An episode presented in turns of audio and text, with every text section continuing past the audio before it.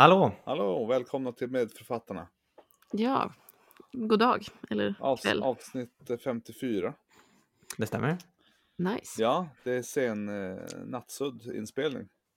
Ja. Så vi får väl se om vi låter lite gäspiga. Ja. Nej, det tror jag inte. Nej. Allt bra med er? Det är det. Det är fint. Det bra. är... Snart har jag en ledig fredag. Det känns skönt. Oj. Varför då? Ja, det är för att jag har jobbat, eh, kommer att ha jobbat 11 dagar i rad. Och tydligen får man inte jobba 12 dagar i rad. Det är trevligt. Mhm. Så det finns sådana regler alltså? Ja, jag vet inte. De verkar fritt tillämpbara. Ja. Men man eh, får den tolfte dagen ledigt. Okej, ja, det är Mm. bra. Mm. Det tror jag patienterna är en glada för. Ja, jag med. Ja, ska vi köra igång direkt eller? Ja, men Ja, men det gör vi. Något Mm. gammalt, något nytt, något udda från vår medicinska litteratur. Ja, och det är Joe, Miriam och Fredde som vanligt. Ja, de gamla vanliga. Det är det. Ja. Vi Vi kanske kör. borde bara börja säga ifrån om det mot förmodan är någon annan. Men man vet aldrig, det är kanske någon som bara, åh, vad är det här? Och så slår de på avsnitt 54 först. Kanske. Mm, så kan det vara. Så kan det vara. Mm. Det, det är sant. Välkommen till den som har gjort det. Precis. Vi, är, vi är tre läkare på lite olika sjukhus i södra sjukvårdsregionen. Ja. Så är det. Nu kör vi hörni. Nu kör vi.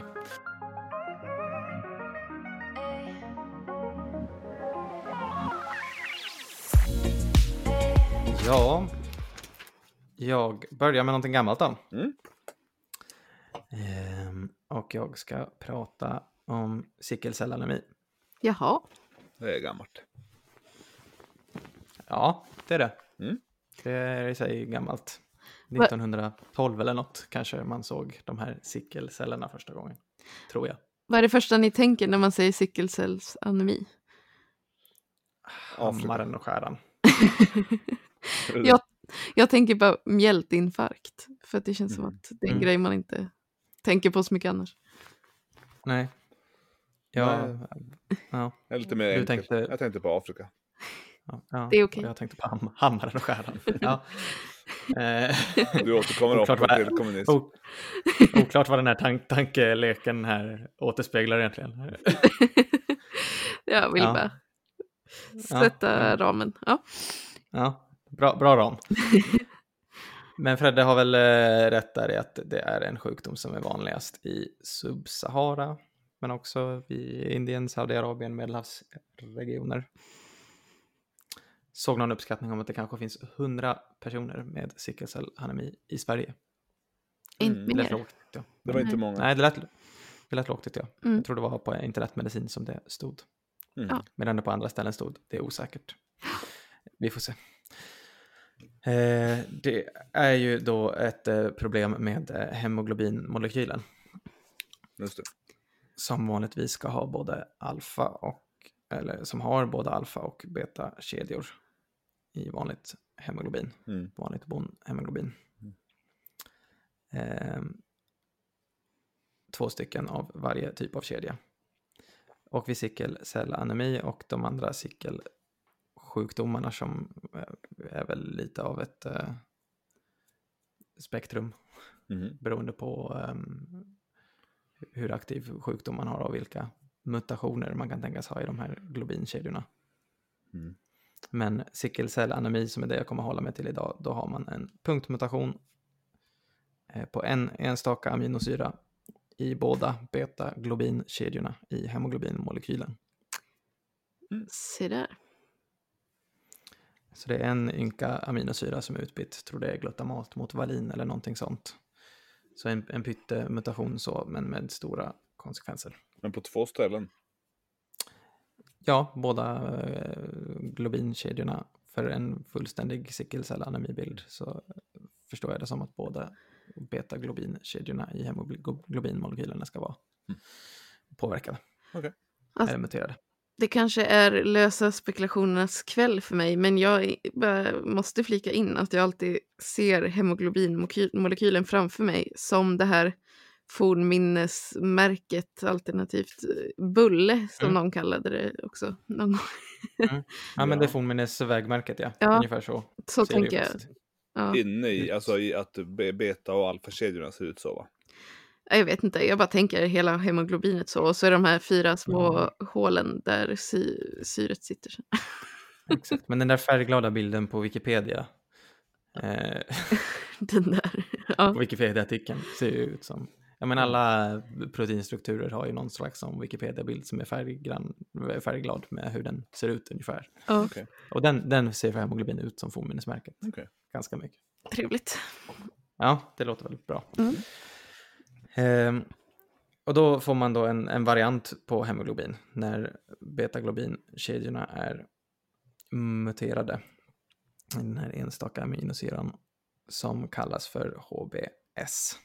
Just Då S ja, står för cykel. Och HBS har egenskapen att hemoglobinmolekylerna då, HBS-molekylerna kan klumpa ihop sig och bilda polymerer av flera eh, hemoglobinmolekyler. Mm. Eh, och när de här bildar polymerer och klumpar ihop sig så orsakar det här strukturförändringar i membranet på de röda blodkropparna som ju innehåller mycket hemoglobin.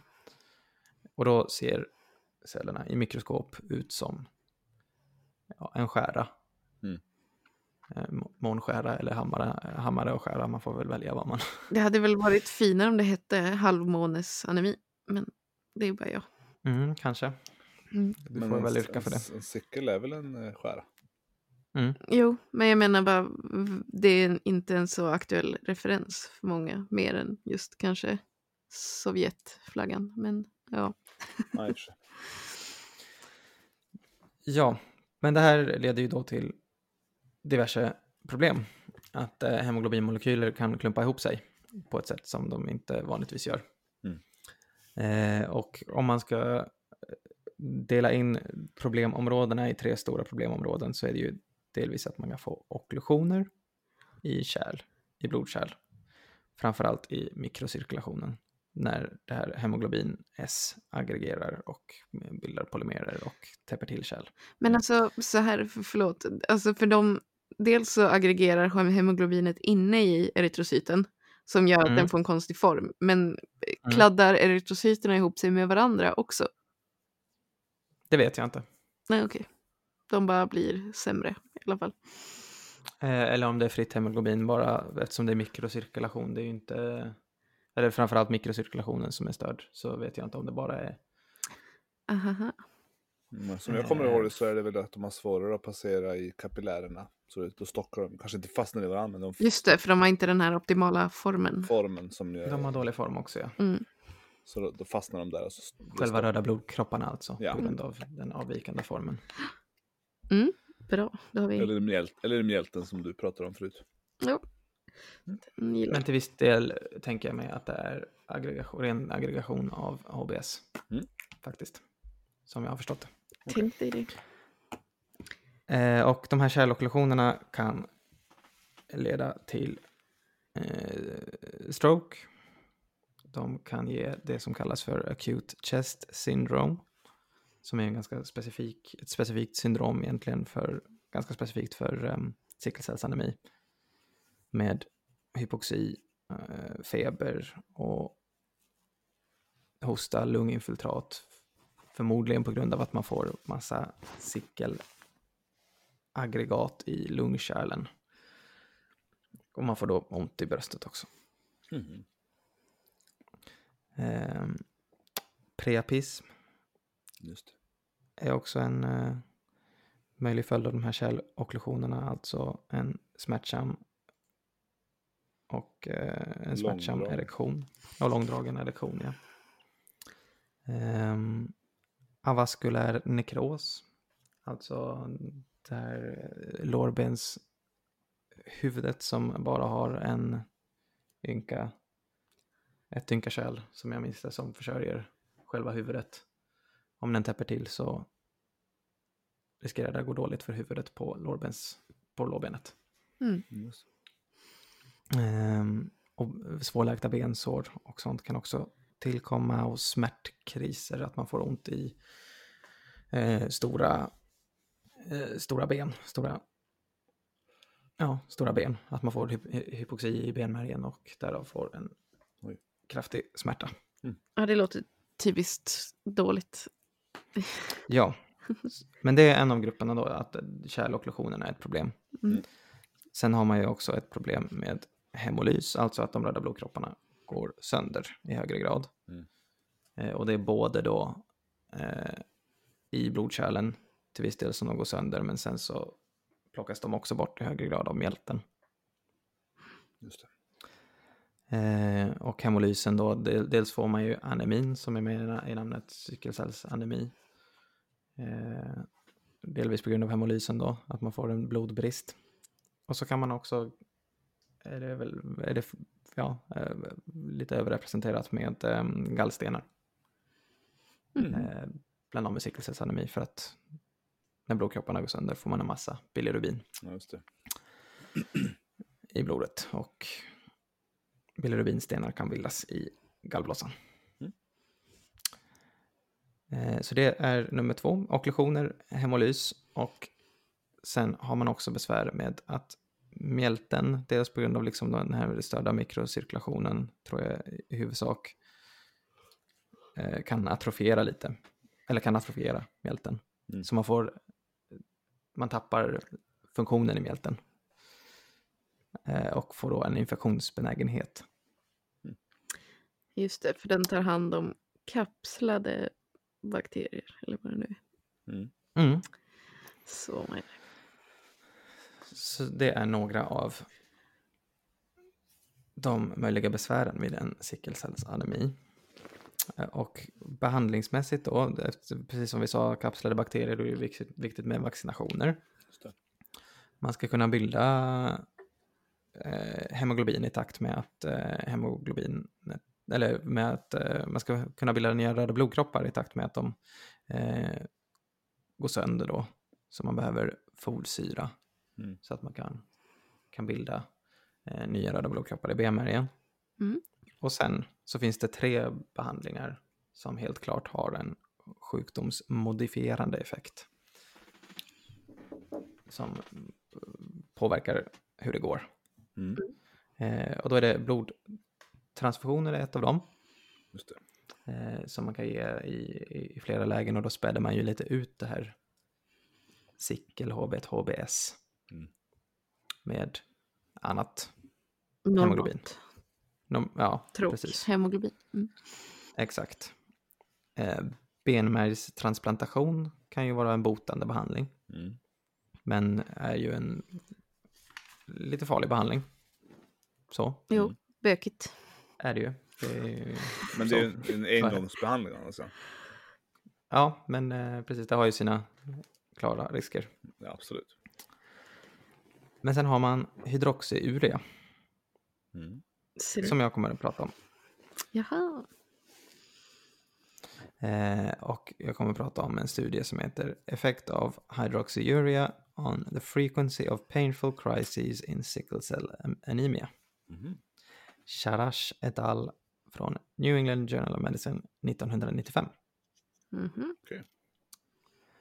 Och inför den här studien så hade man i djurstudier funderat på det här med att det finns ju fetalt hemoglobin, Mm. alltså spädbarnshemoglobin skulle man väl kunna säga. Ja, spädbarn, eller nu mindre. Ett Ja, fosterhemoglobin. fosterhemoglobin, förlåt. Till och med. Och den hemoglobinformen har inga betaglobinkedjor. Det, den behöver inte det. Ehm, men bär, bär ju ändå på syre och koldioxid. Mm. Ehm, och så funderade man då på om det här skulle kunna vara till hjälp om man kunde stimulera den egna produktionen av fetalt HB på något sätt. För att konkurrera ut Mm. cykel-HB. Att, eh, att bara förskjuta den här eh, andelen HBS, alltså cykel-HB, Mm. med något annat HB. Man minskar liksom på koncentrationen, den relativa koncentrationen av cykel-HB. Eh, genom att eh, precis att man får något, någon annan typ av HB. Så det är väl samma princip egentligen som vid att när när man ger blodtransfusionerna och späder ut cykel-HB. Men här är det att man producerar det på egen hand. Mm. Och så lyckades man stimulera det här med att öka den eller koncentrationen av fetalt eller foster-HB då, i djurstudier med flera olika preparat. Eh, bland annat hos babianer. Mm. Eh, och så kom man fram till att det här med hydroxyurea kanske är det bästa att testa. Eh, och man har också sett då i djurstudier att ja, men ökar man HBF, fetalt HB-nivåerna så verkar det också försvåra det här med cicklingen Mm. eh, av eh, de röda blodkropparna också. Om man har mer HBF då blir det inte lika mycket cickling. Är ni med? Ja. Det, det, Mm. var det sista där, att det blir mindre cykling. Vad innebär det?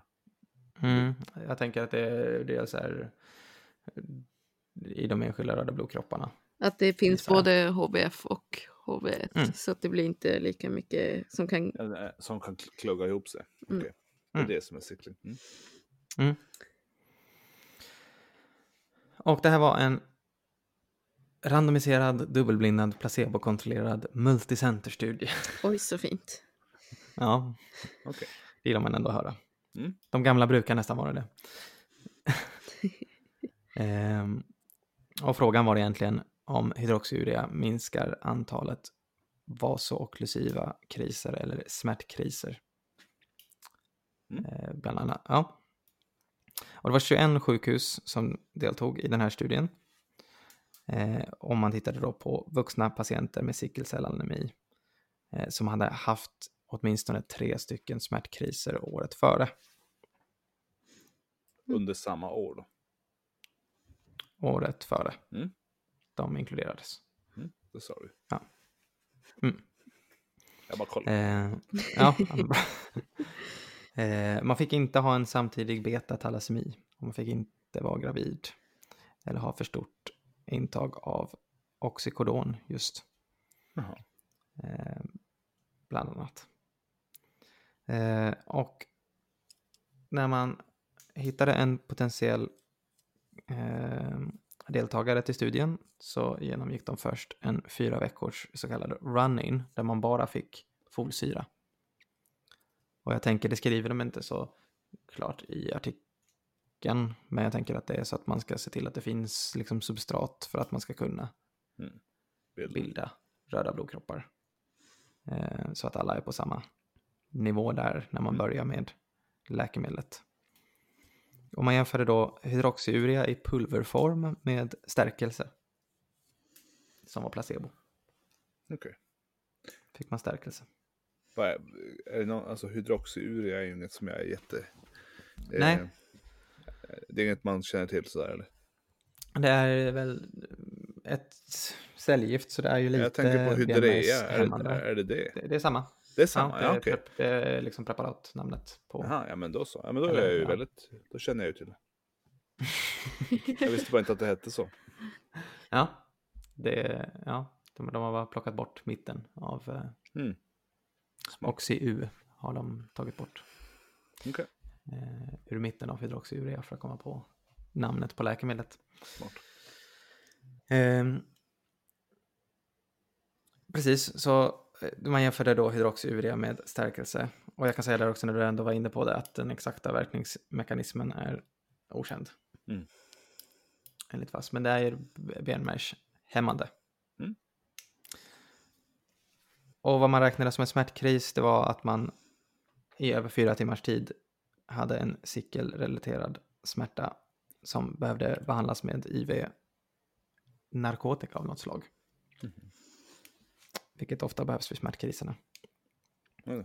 Och, och även saker som acute chest syndrome, priapism och eh, leversekvestrering. Vilket jag inte pratade om innan, men är ett tillstånd där man får eh, en massa röda blodkroppar som vi förstår det i levern levern svullnar, gör väldigt ont och är ett akut tillstånd. Mhm. Allt det räknades som kris, Yes. eh, som smärtkris eh, i den här studien. Och det bedömdes då av eh, två helt oberoende eh, hematologer eller internmedicinare. Eh, om det skulle räknas som en smärtkris eller inte då i efterhand. Mm. Och patienterna själva förde smärtdagbok och var på besök varannan vecka. Och man hade också varje månad telefonintervjuer med någon också helt oberoende som inte var med på de här besöken eller tittade på dagböckerna. Så man verkligen crosscheckade det här mot sig självt många gånger. Mm. Eh, så att det stämde ja, med antal kriser. Var gjordes Eh, studier någonstans? Eller liksom man... Det var 21 olika ställen i eh, framförallt USA. Just det. Nej, men jag bara tänkte vart man har tillräckligt många patienter. Liksom. Ja. Eh, kanske nästan enbart USA, Mm. verkar det faktiskt som. Ehm, och eh, så, så jämför man då i de olika grupperna eh, hydroxyurea och stärkelse då som var placebo. ehm, hur många smärtkriser man fick som var eh, primary outcome då. Mm. Eh, och rent statistiskt så löste man också det här med en, att man rangordnade patienterna utefter antal kriser eh, i den statistiska analysen istället för att bara jämföra medelvärden. Eh, förstår ni vad jag menar? Istället för att jämföra medelvärde antal kriser i ena gruppen mot medelvärde antal kriser i andra gruppen så rangordnar man vem hade flest kriser, den får numret Ja. 1 eller tvärtom och färst kriser får nummer 300 eller ni förstår Ja, vad jag menar. Alltså ja, båda grupperna. Ja. Mm. Ja, men man vill precis. Man, man kan ju, I en grupp kan man ju ha de som har både flest och minst antal. De kan vara ojämnt fördelade. Exakt, och då får man- då får man, Samma, samma medeltal. Men man vill ju i de två grupperna. Och ehm, precis så räknade man ju också de som kanske fick eh, antingen fick en stroke eller som död eller som dog. Mm. Rangordnades ju allra sist då. Så man utgick ifrån en rangordning istället och det är för att man ska ha mindre påverkan av extrema värden. Om någon nu skulle ha haft 100 kriser i ena gruppen så förskjuter det ju ganska rejält om man tittar på medelvärden. Men genom att rangordna på det här viset så, så slipper man att de här extremvärdena skulle påverka så mycket. Just det. Mm. Ehm, och det är väl ett ganska vanligt sätt att ehm, göra statistiska jämförelser om man tror att extrema eh, värden kan förekomma. Mm. Men de beskrev det ganska snyggt i den här artikeln. Så jag tog ändå upp det här. Ja, i alla fall. nu har du fått forsknings... Eh, vad heter Jag det? har fått för mycket plats här nu. Nej men nej, man måste ju få... Det är lite charmigt hur, hur, hur betagen du kan bli av sådana saker. Det var kanske för länge sedan jag hade forskningstid. Snyggt upplagt. Wow. Ja, Mm. resultat. Va? Det vi har gjort nu då är att eh, vi har jämfört hydroxyurea och mot placebo i de här patienterna. Eh, och sammanlagt blev det 299 patienter och det var ingen skillnad mellan de två olika grupperna, placebogruppen och behandlingsgruppen eh, vid baseline, inte vad gäller hur mycket komplikation, kroniska komplikationer man har till sin cykelcellsanemi, inte någon skillnad vad gäller hur många kriser man hade året före studien och ingen större skillnad vad gäller eh, hemoglobinvärden eller värden av fetalt hemoglobin innan, innan man drog igång. Eh, patienterna följdes i medel i 21 månaders tid. Mm. Eh, tanken var att det skulle vara 24 månader, men den här studien bröts i förtid. Mhm. Ehm, Det är alltid bra. för att bland de här 299 patienter med 152 stycken som fick hydroxyurea och 147 som fick stärkelse eh, så var det 2,5 kriser per år medianvärde bland de som hade hydrea eller hydroxyurea-behandling Mm. och 4,5 kriser i median per år eh, på de som fick stärkelse. Oj. En 44 procentig minskning. Mm. Eh, och även då vad gäller om man tittar enbart på akut chest syndrome som ju är ett farligt tillstånd, akut eh, liksom potentiellt livshotande tillstånd så var det 25 i hydroxyura-gruppen så fick det 51 i um, placebogruppen. Oj. Även transfusions, blodtransfusionsbehovet minskade alla de här signifikanta på eh, under 0,001 nivå om man tittar på p-värden. Eh, men i den här studien såg man ingen skillnad på död eller stroke eller det här sekvestri- eller sekvestreringen i levern som också är farligt. De här super, kanske farliga sakerna. Acute chest syndrom är ju farligt och det såg man en minskning av. Mm. Eh, men eh, de här andra tre kanske är farliga, akuta. Ja, Där räknar du med död. stroke. Är farligt. Ja, jag räknar med död som en akut farlig sak. Jag insåg precis att jag hade, jag insåg precis att jag hade sagt det. Det är akut farligt. Det är livsfarligt faktiskt. Ja, Ja. eh, I sak tycker jag ändå jag hade rätt. Ja. Men, där, där så, men där såg man ingen skillnad. Okej. Eh, och säkerhetsmässigt tycktes det i den här studien vara hanterbart. Ehm, 14 stycken avbröt behandlingen, två stycken på grund av att de, det, det blev för mycket benmärgsdepression, alltså att eh, benmärgen slogs ut. Okej. Ehm, De tålde liksom inte hydre, hydrean då. nej, och, men eh, jag tror det var sex stycken i placebogruppen som behövde avbryta. Så eh, liksom, utifrån den här studien acceptabelt liksom säker, säkerhetsläge. Och man var ganska rädd med det här eftersom det ändå är eh, ett cellgift Mm. som hämmar benmärgen. Att det skulle finnas någon effekt som var eh, carcinogen, alltså framkallade cancer eller leukemi. Mm. Ehm, och den här, men den här gruppen har följts upp ett antal år senare, jag tror det var kanske nio år senare, någonting sånt, med endast tre maligniteter. Och det har gjorts stora studier sen som inte har kunnat visa någon klar ökad malignitetsrisk. Mm. Ehm, och i efterhand har man också kunnat visa, i alla fall för vuxna, att hy- hydrea kan eh, ge en minskad dödlighet i sickelcellanemi. För annars innebär sickelcellanemi, som jag förstår det, eh, ändå en förkortad livslängd. Mm. Mm. I många fall. Kan man ju förstå. Och hydroxyurea, precis som jag sa i början, där är ju en av de tre sjukdomsmodifierande behandlingarna just nu. Men det finns lite nya läkemedel. 2017 och 2019 kom det ett par nya, nya läkemedel och såklart eftersom den här sjukdomen handlar om en punktmutation i en enda aminosyra Mm. så kan ni ju tänka er vad man har för förhoppningar. Ja, verkligen. Att man ska krispa ut den och krispa in något annat eller?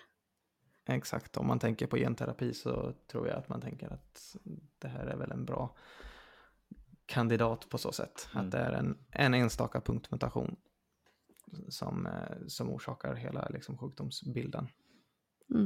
Ja, Så verkligen. det, ja, så det, men Hydrea är stapelvaran än så länge. Bra. Ehm, ja, frågor på det? Glasklart tycker jag. Ja, det jag också. Ja, man tänker, eller ja, jag tyckte det var kul att få läsa om sickelcellanemi. Mm. Det stöter man inte på så ofta. Det märks, tycker jag, i amerikansk litteratur att det är ett väsentligen mycket större problem i USA. Ja, nej men jag har väl eh, tänkt tanken någon enstaka gång och sen bara, nej varför tänker jag på det här? Mm. Mm. Exakt så har typ jag också gjort. Eh, så. Bra. Men då eh, kör vi på. Ja, något nytt. något nytt.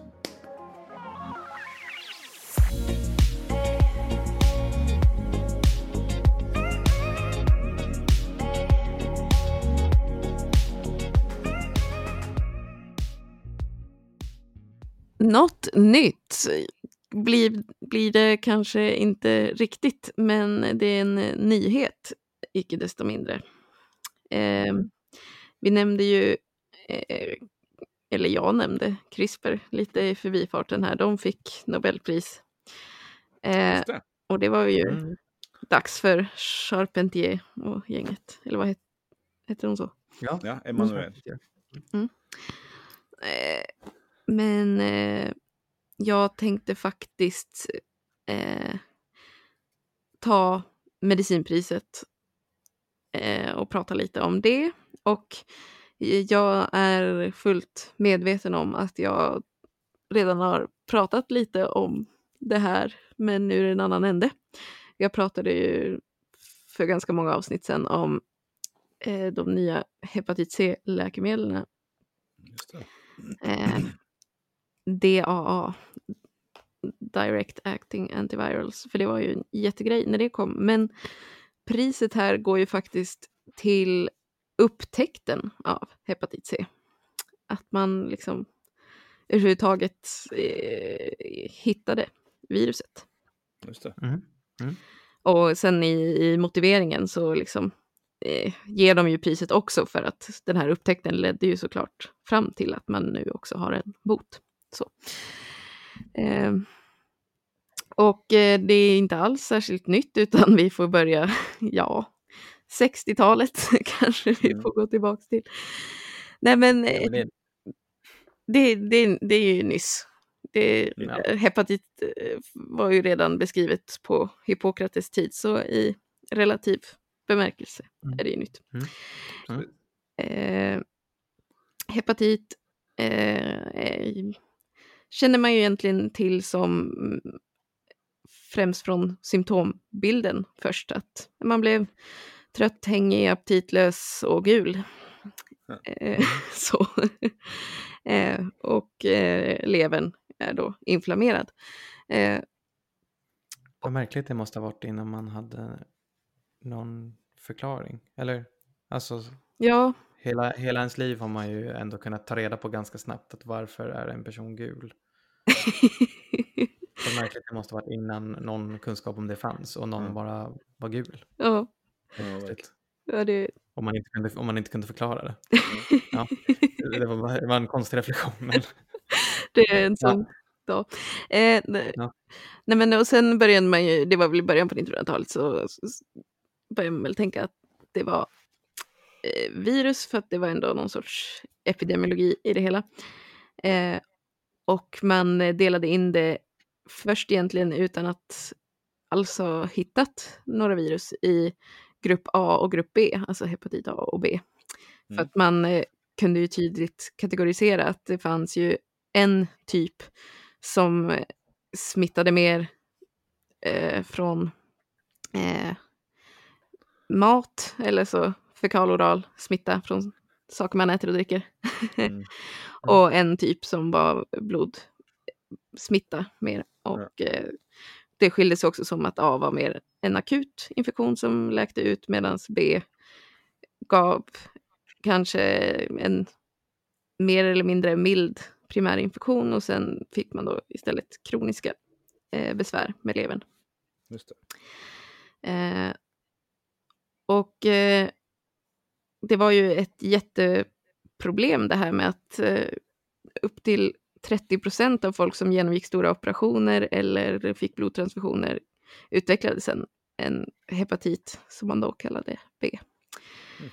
Det är ju helt astronomiska risker om man tänker med dagens mått mätt. Hur många påsar ekons eller SAG har man inte bara slängt iväg in i Nej. journalsystemet. Det, ja. Det var också en värld man levde i där jag tror det var ja, i alla fall tusen, kanske tusentals kvinnor på Irland som när de skulle få sin sån här eh, resus, eh, vad heter det? Eh, det? När man är gravid och inte ska reagera på barnets blod för att man är resusinkompatibel. Eh, Mm. I alla fall. Man, ska, man typ ska ja, inte vaccinera, men Ja, så mm, A och eh, vad heter det, minus och plus sådär i blodgrupperna eh, Mm. inte ska skära sig mellan mamma och barn. Eh, så ger man ju en sån nu har jag tappat exakt ordet, men man ger någon form av spruta så att det ska inokuleras och vänja sig. Eh, och man gav ett sånt från en enda givare till ganska många kvinnor och 80 procent av dem fick sen eh. kronisk hepatit. Eh, tråkigt. Superspridare. Ja, Mm. och Mm. eh, Egypten som jag säkert nämnde, där har de ju en, över 10 procent eh, prevalens av hepatit C nu för att man gjorde en jättevaccinkampanj mot schistosomiasis. Där man Mhm. också fick med sig det här på något sätt. Mm. Ehm, och eh, på 60-talet så lyckades de ändå hitta eh, ett sätt att testa för hepatit B. Och det fick, eh, nu ska vi se, Baruch heter han och nu ska jag se vad han heter i efternamn. Baruch Bloomberg fick Mm. Nobelpris för att han hittade hepatit B. Eh, och priset fick han Du är på, 76. du är på, Mm. mm. du är på förnamnsnivå eh, nivå med honom, Baruch då? Ja, nej men det satte sig, förnamnet där. Ja. Det är ganska starkt som helhet också, Baruch Bloomberg. Ja. Mm. 67 sa vi. Eh, 76, men han hittade det på 60-talet. Då. Det är ju alltid Mm. lite eftersläp på sånt där. Mm. Eh, Mm, och då tänkte man yes, nu, nu vi ju, kan vi börja screena blod för det här. Så nu tänkte man att ja, resten av de som ändå verkar få någon sorts hepatit här, det det är säkert bara det har glidit igenom testningen eller så är det hepatit A eller ja, sådär. Eh, men det, det var ju nästan, ja, det var mellan 50 och 80 procent som fortfarande fick det här. Man lyckades Oj. inte gallra bort så himla mycket. Nej. Och sen när man lite senare också eh, kunde identifiera hepatit A-viruset och börja testa för det så insåg man ju att nej men det, det är något som vi har missat här. Ja. Mm.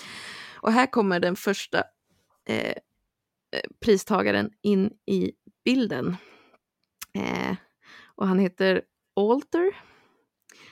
Harvey J. Alter. Eh, aktiv i USA. Och han var väl den som eh, på något sätt eh, eh, lyckades eh,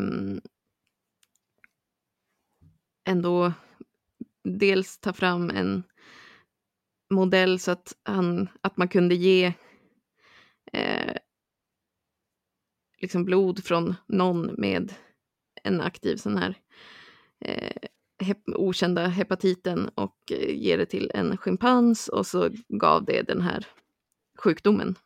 Mm. Eh, och då började man kalla det här eh, för non-A, non-B hepatitis. Eh, och för att citera ett TED-talk jag såg att när man börjar kalla någonting för non-this, non-that så vet man inte ett skit om vad som pågår. Nej. Nej, lite så. Jag eh, trodde, jag trodde verkligen en stund där att du skulle säga något helt sjukt som att C i hepatit C stod för chimpansi. jag, jag trodde verkligen det var dit du var på väg. nej, nej, nej. Surprise! ja, Mm. bra.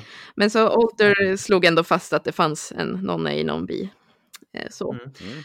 Men eh, ja, sen stod det ändå tyvärr lite still här ett tag tills vår nästa pristagare kom in i bilden. Sen finns det ju såklart många eh, parallella forskargrupper som håller på med saker som alltid. Men då har vi Michael Houghton som jobbade för ett läkemedelsföretag som hade bra resurser.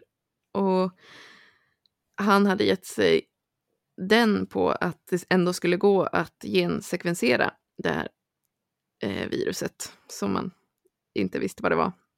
Mm. Eh, och eh, han eh, ja, verkar liksom ha eh, testat ungefär 300 olika sätt att försöka hitta det här viruset. Och det, man, man visste ju ingenting. Man, hit, man börjar leta DNA-fragment och så hittar man ingenting. Och sen börjar man komma på att man kanske skulle leta efter RNA-fragment. Och det gick ju Mm. bättre eftersom det är ett RNA-virus till exempel. så, Mm. eh, Och jag kommer inte beskriva hela processen här för att det förstår jag inte riktigt. Men eh, han höll på med det här under hela 80-talet och i slutet där så hade han till sist eh, hittat gensekvensen och som för det han kallade hepatit C. Okej. Eh, och man kunde även, han hittade det här genom att använda antikroppar från kroniskt sjuka hepatitpatienter. Så att Mm. det stödde ju också teorin att det var det här som gav sjukdomen, så att säga. Mm. Mm. Men eh, man måste ju ändå på något sätt, även om du har hittat en, en patogen bland de som är sjuka, så måste du även ha någon sorts eh, modell Kausalt, för, ja. precis, att det är kausalt liksom. Och där Mm. har vi vår sista eh, kompis i den här trion som fick eh, priset. Och eh, då har vi Charles M. Rice som eh, 97 kunde slå fast att han hade återskapat det här viruset i sån eh, ändå pass bra kvalitet att man kunde visa att så här, eh, i labb att det kunde infektera hepatocyter, leverceller och Mm. sedan skapa nya eh, eh, viruspartiklar som Mm. också förstör, så att säga, eh, och går vidare och eh, regenererar. Ehm, och det var väl också avgörande för att man sen skulle kunna börja eh, forska och komma fram till det som vi nu har som är ett, en botande behandling. Mm. Ehm, och eh, alltså det är väl ju ändå fortfarande så att det är nästan lika många som dör i sviten av hepatit C som av tuberkulos globalt. Mm. Det dör fler av hepatit C än av HIV. Mhm. Mm. Eh, det är globalt den vanligaste orsaken till eh, levercirros och levercancer och även vanligaste indikationen för att behöva en levertransplantation. Mm. Om man tänker så här, jag tyckte bara var en eh, intressant siffra att bland amerikaner födda mellan 45 och 65 så är det 3 som har Oj. hepatit C. Det är Mm. ganska många. Det är liksom en Mm. folksjukdom där. Mm. Eh, och eh, det är lite olika siffror, men det beror väl på hur man mäter, för man jag har hört siffror mellan 70 eh, miljoner och 200 miljoner drabbade globalt, men också att eh, det är bara 50 procent som vet om att de har hepatit C och det är den största Mm. utmaningen som står kvar, att man nu, har vi, nu vet vi vad det är för virus, vi har en botande behandling, vi kan testa allt blod vi ger så att vi inte Mm. ger det vidare på det sättet. Eh, och man försöker ju även jobba med sprututbyten och, och så vidare för att det inte ska spridas i IV-missbrukarkretsar. Mm. Men så länge folk inte ens vet om att de har hepatit C så Mm. kommer det ju fortfarande ha en eh, stor sjukdomsbörda i många år framöver. Mm. säga. Men det smittar bara via blod? Eh, Ja, det är väl det. Eller Ja. ja, alltså. Det finns Så jag en... tänker, den här, de här prevalenssiffrorna, de är väl antagligen ganska starkt färgade av att man har börjat eh, ge blodprodukter och eh, stoppa in saker i blodkärl, höll jag på att säga. Ja. Mm. Mm. Men eh, Att man kan ändå tänka sådär att eh, prevalensen av hepatit C 1800 att den var lägre, ja. var väldigt mycket lägre. Mm. Mm. Det kan ju smitta sexuellt också, men det, alltså det är ju väldigt Mm. låg... Mm. Alltså det är ju en- ändå en låg risk för Mm. sexuellt, för det krävs ändå på något sätt att jag tror Mm. att man liksom... Det finns lite slemhinne eh, skador och så vidare. Så Just det. Hur kan, vet du om du kan smitta från mor till barn vid födseln? det kan det. Det är väldigt Ja. ovanligt, men det Ja. krä- om det kommer i kontakt på något olyckligt sätt så Mm. går det också. Okej. Mm. Ja. Men vad sjukt att, eh, eller jag, jag, vet inte, jag tycker bara det är konstigt att vi, viruset måste ha funnits länge men att man helt plötsligt börjar uh, byta blod med varandra och så mm. blir det superprevalent hos mm. människor. Mm. Och det, är ju, det var väl också ett stort problem man stod inför när man skulle eh, jobba med, med det här att det är typ bara primater som det, det finns, det var jätte, jättesvårt att få någon bra djurmodell, utan det var i princip bara mm. schimpanser man kunde använda fram tills man kunde börja göra liksom knockout-möss mm. som man hade transplanterat in med mänskliga hepatocyter. Ja. Alltså det var, liksom, krävdes den nivån för att man skulle kunna börja mm. testa på mindre djurarter. Liksom. Mm. Så ja. jag menar, det finns ingen stor reservoar heller som, ja, Nej. av andra djur. Utan det känns verkligen som ett eh, så här, ja nu är det nästan farligt att säga så, men, men det känns som ett väldigt anpassat virus för en modern människa. Det är liksom eh, ganska unikt för mm. människa och eh, sprids via blodprodukter. Mm. Liksom. Det, det borde ju finnas ja. potential att utrota detta virus då. Ja, ja men det gör det absolut. Mm. Mm. Det, det, för några veckor sedan. Ja, det varit något. Men jag tänker, det, det måste ju ändå finnas i Alltså jag tänker om riktigt ursprungliga människogrupper där man liksom krigar och slåss så måste det ju kunna mm, spridas. Mm. Ja. Men det finns väl ett framtida Nobelpris att inhämtas som vi kanske pratar om i, med författarna. eh, om utrotningen av eh, hepatit C. Ja, just det. Minns ni när det var en grej? mm. ja. Det var det så otroligt nya och heta. Ja, heta ja. är det i alla fall. Det är, ja, det är nytt och hett. Mm. Ja. Härligt. Absolut. Men visst är det bara en känsla, men är det inte så att man nästan alltid får dela på Nobelpriset nu för tiden? Det är ingen som får det själv, ja, förutom litteratur. Nej. Nej, men du, känner, du känner att du inte skulle vilja ha ja. dem inte själv, eller? nej, nej, nej, tack. Nej tack, jag tänker inte. Jag, jag tänker inte dela, jag bara, jag bara span, en spaning. Ja, men jag tänker bara när jag har läst på här, det mesta har jag tagit från själva eh, Nobel prisets hemsida för de har en ja. väldigt fin sammanställning.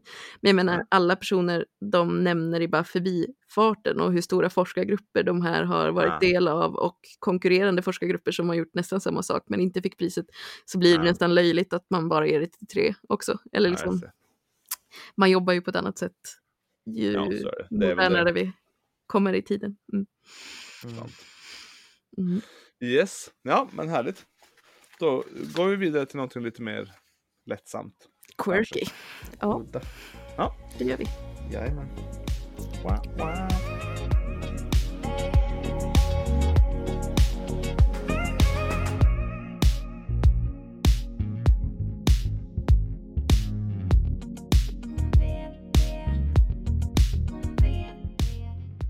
Jag tänkte prata lite grann om personligheter och eh, personlighetens koppling till sjukdom. Um, och det är inte de här vanliga um, som är ganska inne just nu, de här vet, gul och blå och vad de Färgerna. heter. Färgerna. som är totalt trams. Men det, det här gäller typ A och B-personligheter. Som eh, beskrevs på 50-talet redan, redan av eh, några kardiologer. Mm. Eh, Friedman och Rosenman. Friedman och Rosenman. De, de säger åtminstone, kanske en efterkonstruktion, men de säger att de kom på det här för att de hade en tapetserare som bytte tyget på deras eh, väntrumsmöbler. Och i väntrummet så var det var bara nött på liksom, eh, för, vad ska man säga, på eh, längst ut på sätena. Mm -hmm. Så deras, deras tolkning av det var att, att deras eh, kardiologpatienter inte riktigt satt och tog det lugnt utan att de satt på liksom, som på nålar kanske, satt långt ut på sätet och var riktigt re redo för, att, för att fightas eller något, ja vet jag. Ja. Så det, det var startskottet, det här var då 50-talet så jag kanske. Då, då var start, startskottet för att man ville dra igång en, en eh, lång studie som var 8,5 år lång och det var bara män, friska män i åldern 35 till 59 år. Mm. Som fick... De var inte så här, det är bara ett konstruktionsfel på fåtöljen. Den är naturligt lite svagare längst ut. De bara, vi gör en studie. Det var det man kom fram till efter åtta år, att eh, det var fel på fåtöljerna. Nej, det, precis. För deras teori var då att, att eh, personer som är av en viss personlighetstyp, lite mer, eh, ja, men kanske lite mer stressade, vi kommer till vilka typer, eller vilken, vilka egenskaper man har, men att de skulle vara mer benägna att få hjärt-kärlsjukdom. Ehm, det stött, stöddes också liksom, när man tittade i andra studier, till exempel Framingham som vi har pratat om Mm. för länge sedan. Mm. Till och med kanske första avsnittet. Ja, Eller? två kanske. Ja, något Ja, sånt. Kanske i- andra. väldigt, väldigt i början.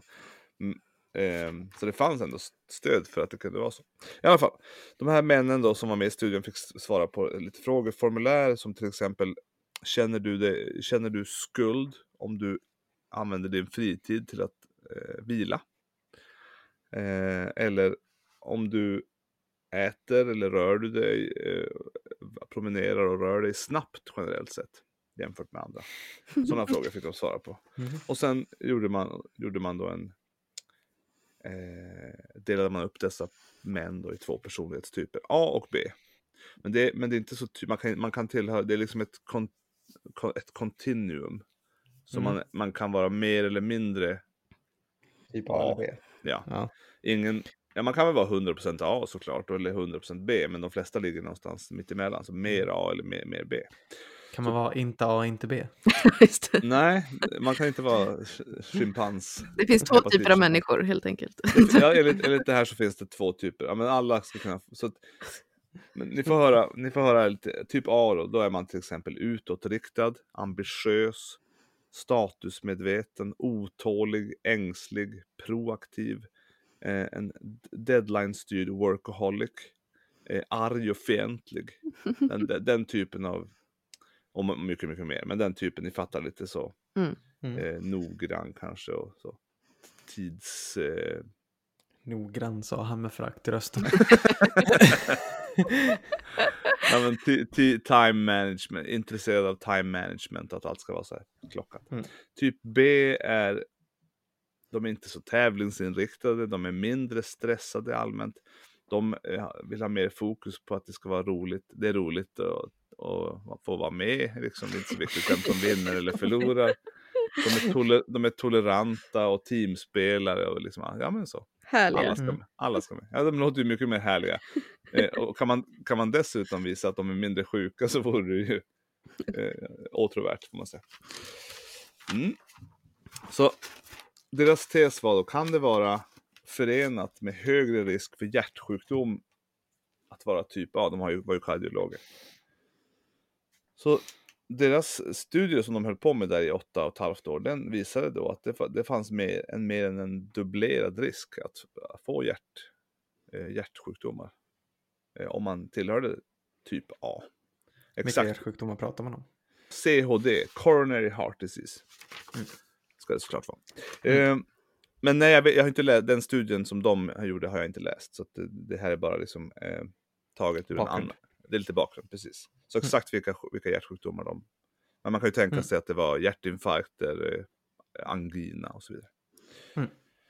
Och eh, efterföljande analyser har ju eh, visat samma sak. Att även om de här typ A, alltså det, det kan man ju nästan förstå att en person som stressar och är mycket arg och agiterad och så har mer be- benägenhet att få problem med sitt hjärta kanske.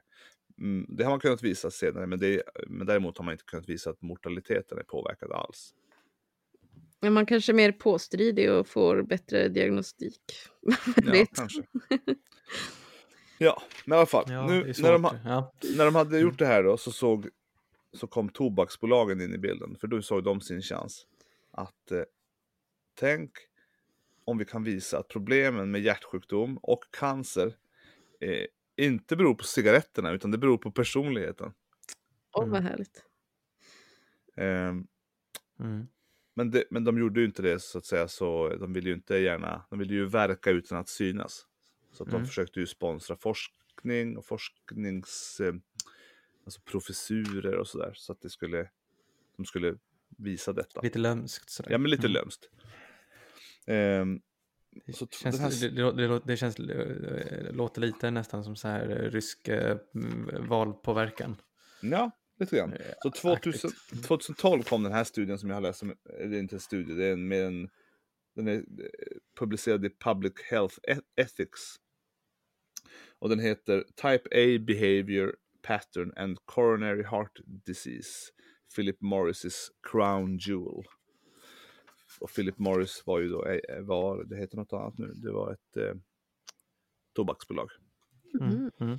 Eh, så den här, ursäkta, de skulle titta i, i den här, eh, ja, det är en sorts studie. De har tittat på gamla dokument ifrån arkiven hos to tobaksbolagen och tobakslobbyrupper och sånt för att se hur, hur de får stöttade olika forskningsprojekt. Eh, så till exempel så eh, har jag tagit ett cit- citat här ur, eh, som är skrivet av någon av de här lobbygrupperna, eller de hette ju inte lobbygrupper, de hette ju olika saker som, eh, ja, nu vet jag inte vad de heter, men Council for Tobacco Research och sådär. Mm. Eh, och då står det så här. It, it seems probable that heavy cigarette smokers have more clinical coronary artery disease than non-smokers. Does this mean that excess nicotine is responsible? Or does it mean that persons exhibiting the behavior pattern I described above tend to smoke more? In other words, are we mistaking a concomitant for a cause? I am positive we are. Så 1968 så släppte Tobaksinstitutet för lekmannapublik, det är direkt översatt från eh, engelska, eh, Mm. men den hette så. De släppte en Mm. film och eh, de, i den filmen så konkluderar de att rökning är ett symptom på och inte en orsak till cancer. Jaha. Så liksom, Jaha, oj, de vände liksom på det. ja, ja. du, du har inte fått cancer för att du röker, du röker för att du har cancer. Eller för att du är, så att säga, kommer att få cancer. Ja, ja, ja. För att du är... Ehm, Man, man, Du är en sån person ja. För man såg ju Det- redan då en koppling mellan rökning och hjärtsjukdom och cancer. Ja. Det här var ju på Ja. 60-70-talet alltså. Mm. Så det, den kopplingen fanns där, den gick ju inte att tänka bort. Men tänk Ja, Den här om det, doktorsstudien som vi pratade om för länge sedan med lungcancer är väl jättetidig. Mm. precis. Men tänk om det inte Ja. fanns någon kausalitet mellan just rökning och cancer Mm. och sjukdom. Eh, så man, det man ville, ville få till här var att liksom typ A skulle vara en confounder. Mm. Mm. Så, Mm. Som man måste förhålla sig till. Tänk om en person som har typ A eh, har, kommer att få cancer på grund av sin personlighetstyp. Men, och de kommer också att börja röka för att det är det man gör när man är sådär stressad och sitter på, längst ut på sätet och behöver liksom ta, lugna ner sig.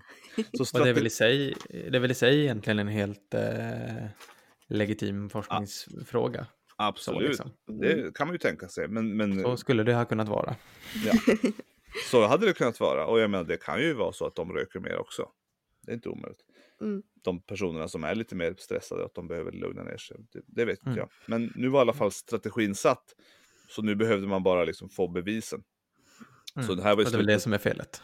Ja, precis. Ja. Vi, vi har svaret, nu ska vi bara visa att det är så. Mm. Ehm, Så då har man hållit på sedan 50-talet, 60-talet. Det blir ju bara svårare och svårare att vara, att vara tobaksbolag.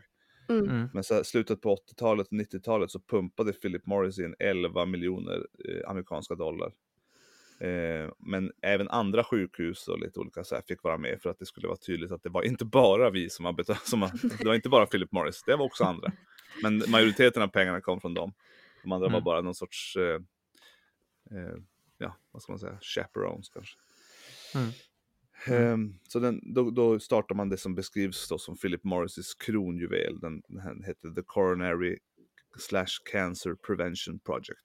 Så det skulle vara en tio år lång studie för att visa hur effektiv terapi skulle vara för att minska typ A personligheter. Alltså man skulle minska, man skulle bli mindre typ A och gå mer mot att vara typ B med hjälp av terapi. Och kunde man då visa att grupperna eller, grupp, gruppen eller grupperna som får terapi också har en sig- signifikant mindre eh, risk för att bli sjuk cancer eller hjärtsjukdom. Så skulle man ju kunna ifrågasätta alla andra studier som inte har rensat för detta. Mm. För då, har ju de, Mm. då kan man säga, "Nej, men ni har en confounder som är typ A, så tyvärr, alltså Det ni gills får göra inte. om. Deal with it, det gills inte. Eh, de pumpar in pengar eh, och spoiler, de misslyckades ju med att visa detta. Eh, de, som sagt, Mm. de finns inte ens kvar längre. De, de eh, heter något annat nu. Folk röker ju förvisso fortfarande, men det är ju det är väl mm, ganska så fastställt att Det är dåligt. det är dåligt. det, men det är ganska det är intressant. Det finns, det finns massor med olika citat och hur de liksom försöker eh, nästla sig in och så. Det är ganska intressant. Men, eh, och jag tror inte att de är de enda som försöker göra det i forskning. Det är säkert, det på, pågår säkert. Mm. Men typ A, man kan inte skylla på, på det längre. Mm. Att det, jag Nej. röker för att jag är eh, en typ A och jag har fått cancer för att jag hade, jag hade fått det oavsett. För det Nej, men har man det- kunnat visa att det hade du i många fall inte fått. Men det är väl ett bra exempel på inblandning. Varför man ska ha jävsdeklarationer i alla fall. Ja, precis. Ja, exakt. Ja. Nej, men Ja. också, alltså enda gången jag har hört det här liksom typ på riktigt i, under utbildningen var åh, vad he, alltså någon typ av näthinneavlossning som så här unga får. Att det Mhm. skulle vara vanligare bland typ A-personligheter. Som, Ja, man har, man har Får ganska lite om blodtryck. personligheten nu för tiden. Ja, men d- där Ja. nämnde man det ändå att så här, ja men det är de här stressade, effektiva, ambitiösa, eh, ofta unga männen då som mm, tappar- karriärlystna. de är så otroligt igång så att de spränger bort näthinnan. Nej, men Ja. alltså, ja. Nej, jag har inte hört om, om eh, typ A så mycket alls faktiskt. Nej, det, känns ju, det känns ju bara sådär, det är rent med dagens mått mätt som en ganska, sk- liksom, en lite små skakig princip. Ja, Som helhet att liksom klassificera en personlighet på det sättet överhuvudtaget. Men det, det är väldigt tacksamt. Eller jag alltså, min pappa är ju en klockren typ A, men han är ganska frisk.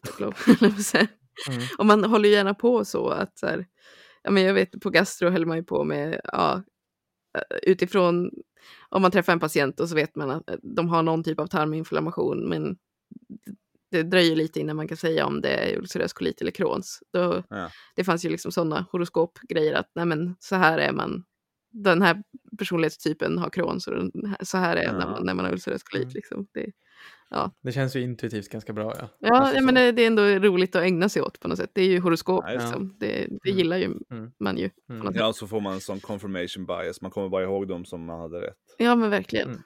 Mm. Mm. Och dessutom rökte de så visste man ju att det Ja. var... Ja, men Det var för det är väl lite mer det här att eh, Crohns, det kan man ju få lite överallt, det är inte så organiserat, så de personerna är ofta lite mer röriga. Liksom. Medan ulcerös koliterna, det är bara kolon och de skriver upp och de vet och de ja, sådär, ska ha all information. Ja. Så. Ja. Det var Eh, inget att basera några beslut på. Nej, det var, ju- det var inte så här att ja, men vi börjar med säljans nu för den här kommer ju ha ulcerös kolit. Nej. Det, det var, nej, Precis. men det hade varit roligt att göra studien. Ändå. Ja. Gjort. Jag lämnar det. Ja. Anna. Vi, vi lämnar Ja, jag typ, typ jag vet A, inte, typ B jag- tror jag. Jag vet inte vem du ska få stora anslag av då. För, för just den där studien. Ja, nej, jag vet inte. Nej, Han eller- inte Philip Morris. Kanske. Mm. Jaha, Ja. Det var, det var allt för idag hörni. Mm. En timme senare. Ja, Ja. Nu är det ännu mer nattsudd. Nu är det snart dags att gå till jobbet. och fy, Ja. säg inte så. ja, precis. Klockan nu när vi har spelat in är 05. Nej. Va? Eh, Alltså i början när vi Ja. nattsuddade då var det typ att spela in till 02. Nu är det klockan 11. Vill jag ju bara Ja, jag vet. Ja, vi har eh, seglat ner oss lite.